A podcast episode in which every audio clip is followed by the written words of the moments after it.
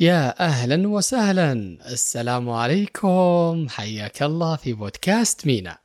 أنا نايف طامي طبيب أسنان وصانع محتوى صوتي لبودكاست مينا اللي تسمعني منه الآن.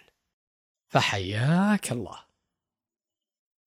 في الحلقة الماضية واللي كانت هي الحلقة الأخيرة كعنوان وتاريخ.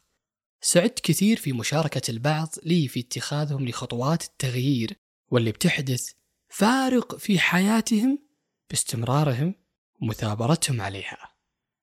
فشاركتني أروى في أنها جهزت نادي في البيت وبتبدأ ممارستها للرياضة مع خلق أجواء خاصة فيها. فجد انبسطت كثير لأن الحلقة لامستها وقرار التغيير ما يؤخذ بسهولة لا بد من عزيمة. فالله يقويك. وأسعدني استماع القدير جدا والعزيز على قلبي الدكتور قيصر كباش مدير تحرير مجلة آفاق لطب الأسنان. فكانت رسالته جميلة في كلامه العطر وأحرفه الجميلة اللي قال فيها مساء الخيرات دكتور نايف الغالي حلقة مميزة من مينا بودكاست والجميل فيها تنوعها. أعجبت جدا بطرحك لمشكلة التدخين وآثارها الصحية والاجتماعية. وذكرتني بإحدى مقابلاتي التلفزيونية حين أجبت المذيع حول أسوأ عادة مضرة للفم فقلت التدخين ثم التدخين ثم التدخين. جزاك الله خيرا على عملك التوعوي ووفقك الله وإلى الأمام. شكرا دكتور قيصر على أحرفك الجميلة. صراحة أنا مبسوط جدا على استماعك. وعلى ثقتك فيما يطرح وعلى نصائحك الجميلة وممنون لأحرفك هذه التي أسعدتني كثير. فأسأل الله أن يعافي ممن ابتلي في هذا البلاء. أما من أبو أنس يوسف المرشد شاركني تفاعله على الحلقة في رسالته. السلام عليكم دكتور نايف الجميل. أقدر وأثمن لك حسن اختيارك لمواضيعك المميزة والتي تهم كل فرد وعائلة بل المجتمع بأكمله. ابتلينا في هذا الزمان بما يسمى بالتدخين. إنه آفة هذا الزمان. ولا يكاد يخلو بيت من مجتمعنا من مدخن. نسأل الله العافية.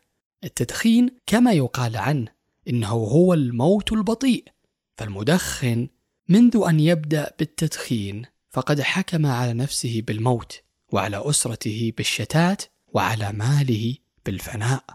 التدخين سم ينخر في كل عضو من أعضاء جسم المدخن حتى يقضي عليه القصص والأحداث المأساوية لضحايا التدخين كثيرة ولا تحصر فهل من معتبر؟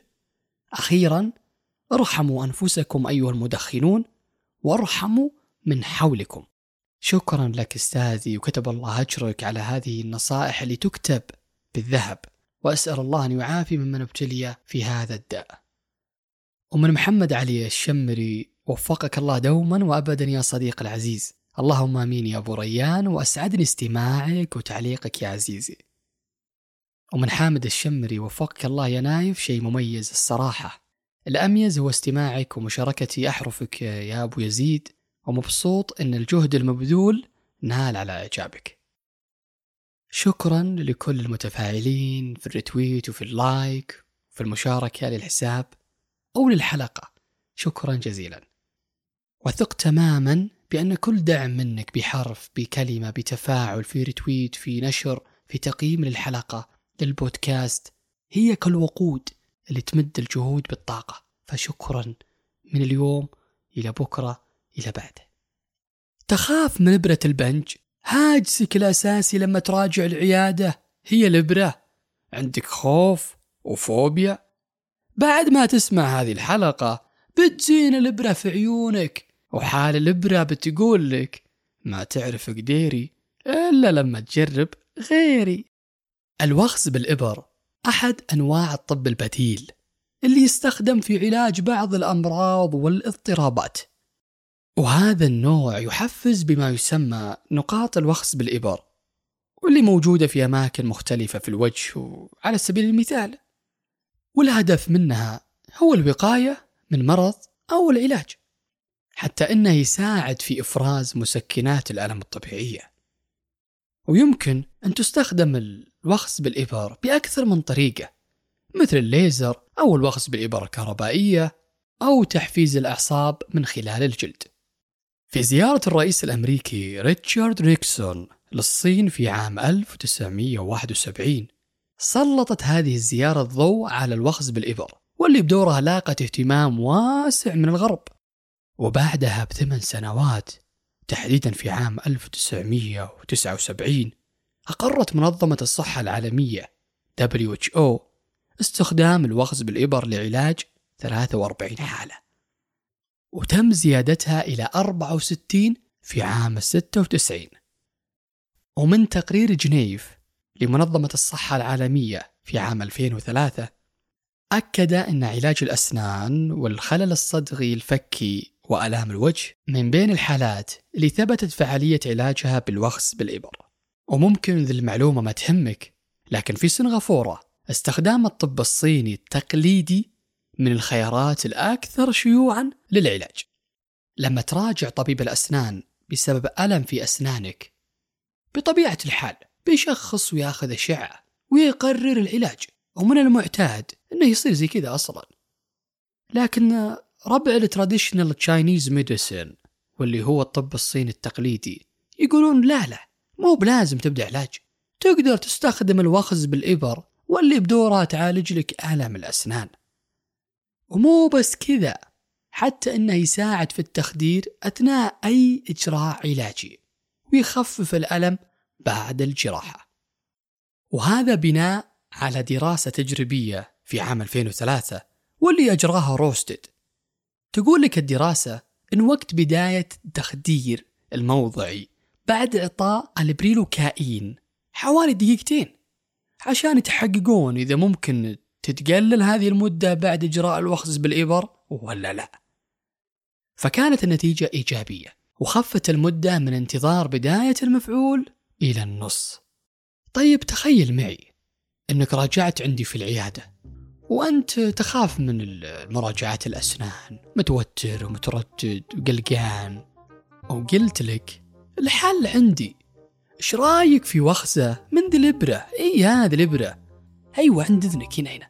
هنا بحطها وخزة شوي بجيب الثانية وأحط الوخزة هنا والثالثة هنا. ترى هذه الطريقة بتحل لك المشكلة. بتوافق ولا لا؟ وهذا اللي صار معهم. وبعد ما جربوا هذه الطريقة في العديد من الدراسات اللي تقارنها مع أدوية مهدئة مثلا كانت النتيجة أنه للوخز بالإبر فعالية في تقليل القلق بشكل ملحوظ.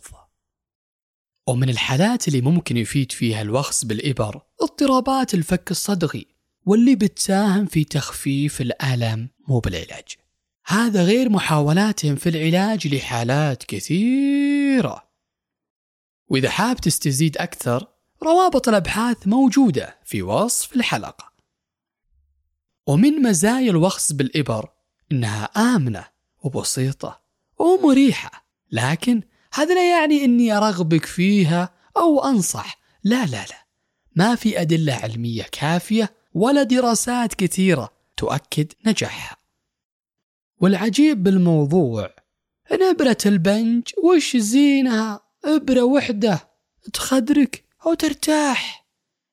ومع ذلك حنا في صراع معك. يروح الوقت يا ابن الحلال تكفى. هل شوي بس خليني نعطيك إياها؟ فكيف لو كان الوخز بالإبر موجود عندنا؟ يا ترى بترضى وقتها؟ نوخز إذنك وخدك عشان يقل الخوف عندك وتبدأ التخدير؟ شاركني إجابتك برد على تغريدة هذه الحلقة في حساب مينا بودكاست في تويتر. وشارك هذه الحلقة لبقية الناس اللي عندك في الواتس. خليهم يعرفون نبرة البنج وش زينها مقارنة بعشرات الوخزات.